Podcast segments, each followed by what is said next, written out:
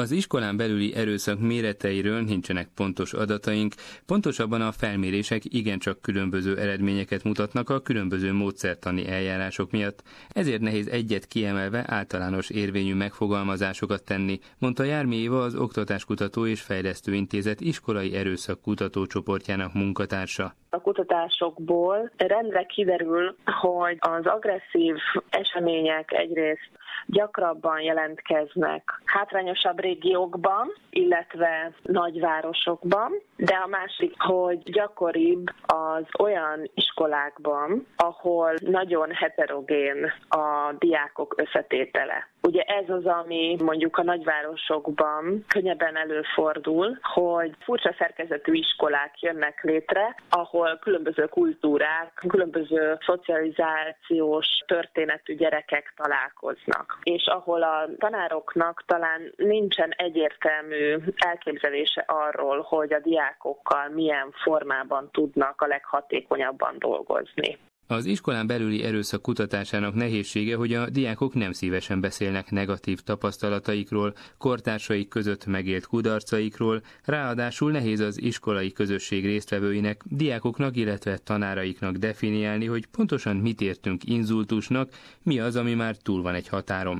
Nagyon gyakran megjelenik a szakirodalomban ez a kifejezés, hogy agressziós lejtő, ez az agressziós lejtő próbálja mindazt lefedni, amit az előbb elmondtam, tehát azt, hogy a szakiskolák felé billenve lejt ez az agressziós lejtő, tehát hogy ott gyakoribbak az agresszív események, legalábbis a kutatási adatok erre utalnak, és olyan helyeken, ahol ilyen úgynevezett integrált iskolák vannak, ahol a szakiskolai forma együtt működik más képzési formákkal, tehát akár szakközépiskolai, akár gimnáziumi formákkal. A bántalmazás ráadásul nem feltétlenül jelent ütlegelést, lehet szóbeli is, vagy egyet jelenthet a megalázottsággal a kirekesztés, mondta el az ELTE pedagógiai és pszichológiai karának munkatársa.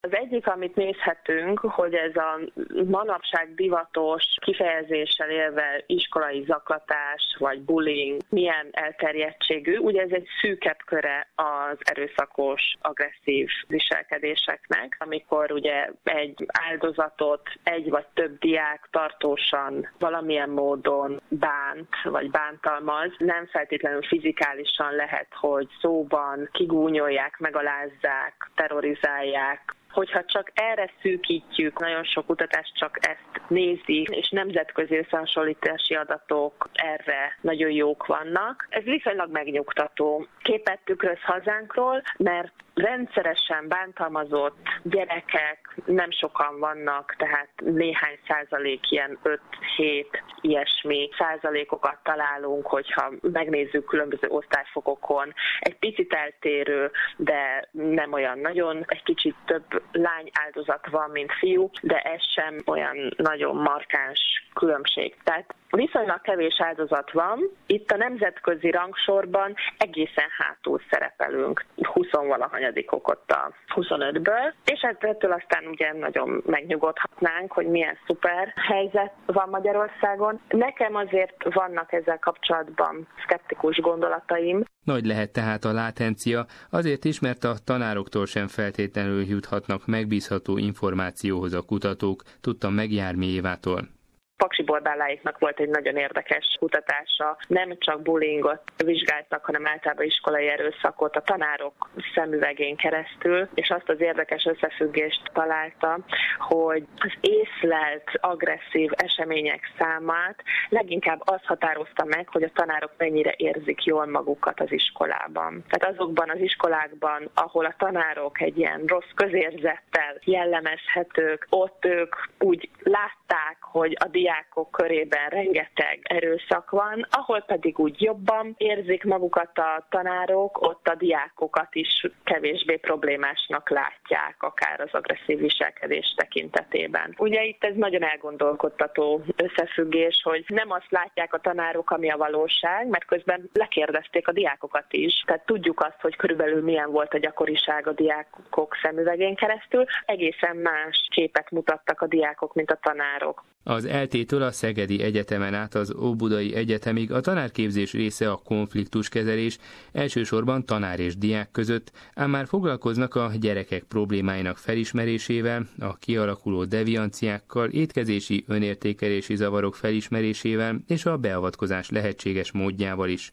Az elmúlt években jelentősen bővült az iskolai pszichológusi hálózat is, ám a szakemberek állandó jelenlétét a legtöbb intézményben nem tudják biztosítani, általában négy-öt iskola tartozik egy pszichológushoz, mondta el Jármi Éva. Sokan nem is gondolják, hogy az iskolai erőszak nem pusztán az érintett diákot gyötri meg, hanem annak hatása sokszorozódik. Ez valóban sok gyerekre kihat, mert ezt megint csak kutatási adatok bizonyítják, hogy sajnos nem csak azokra hat károsan a ilyen jellegű bántalmazás, akik áldozatok, hanem mindenkire, aki látja, érzékeli ezt a folyamatot, mert az iskolában vetett hite, a bizalma, a biztonságérzete csökken azoknak, akik látják, hogy bár nem ők az érintettek, de ezen a helyszínen, ebbe az iskolába folyhat bántalmazás úgy, hogy senki nem állítja meg, hogy a tanárok nem vesznek róla tudomást, hogy nem törődik vele senki. Ez nagyon jelentősen kihat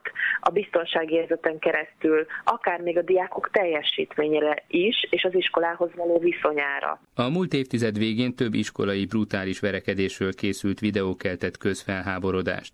Volt, ahol az osztály beletörődéssel nézte, hogy a nem is védekező áldozatot üti, rúgja, szidalmazza egy diáktársa.